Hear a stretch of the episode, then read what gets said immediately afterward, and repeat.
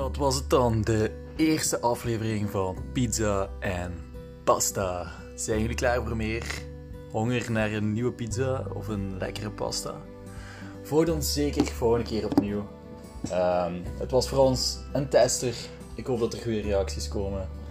En voor de rest, keep having fun. Blijf de quarantaine doorstaan. En keep it real.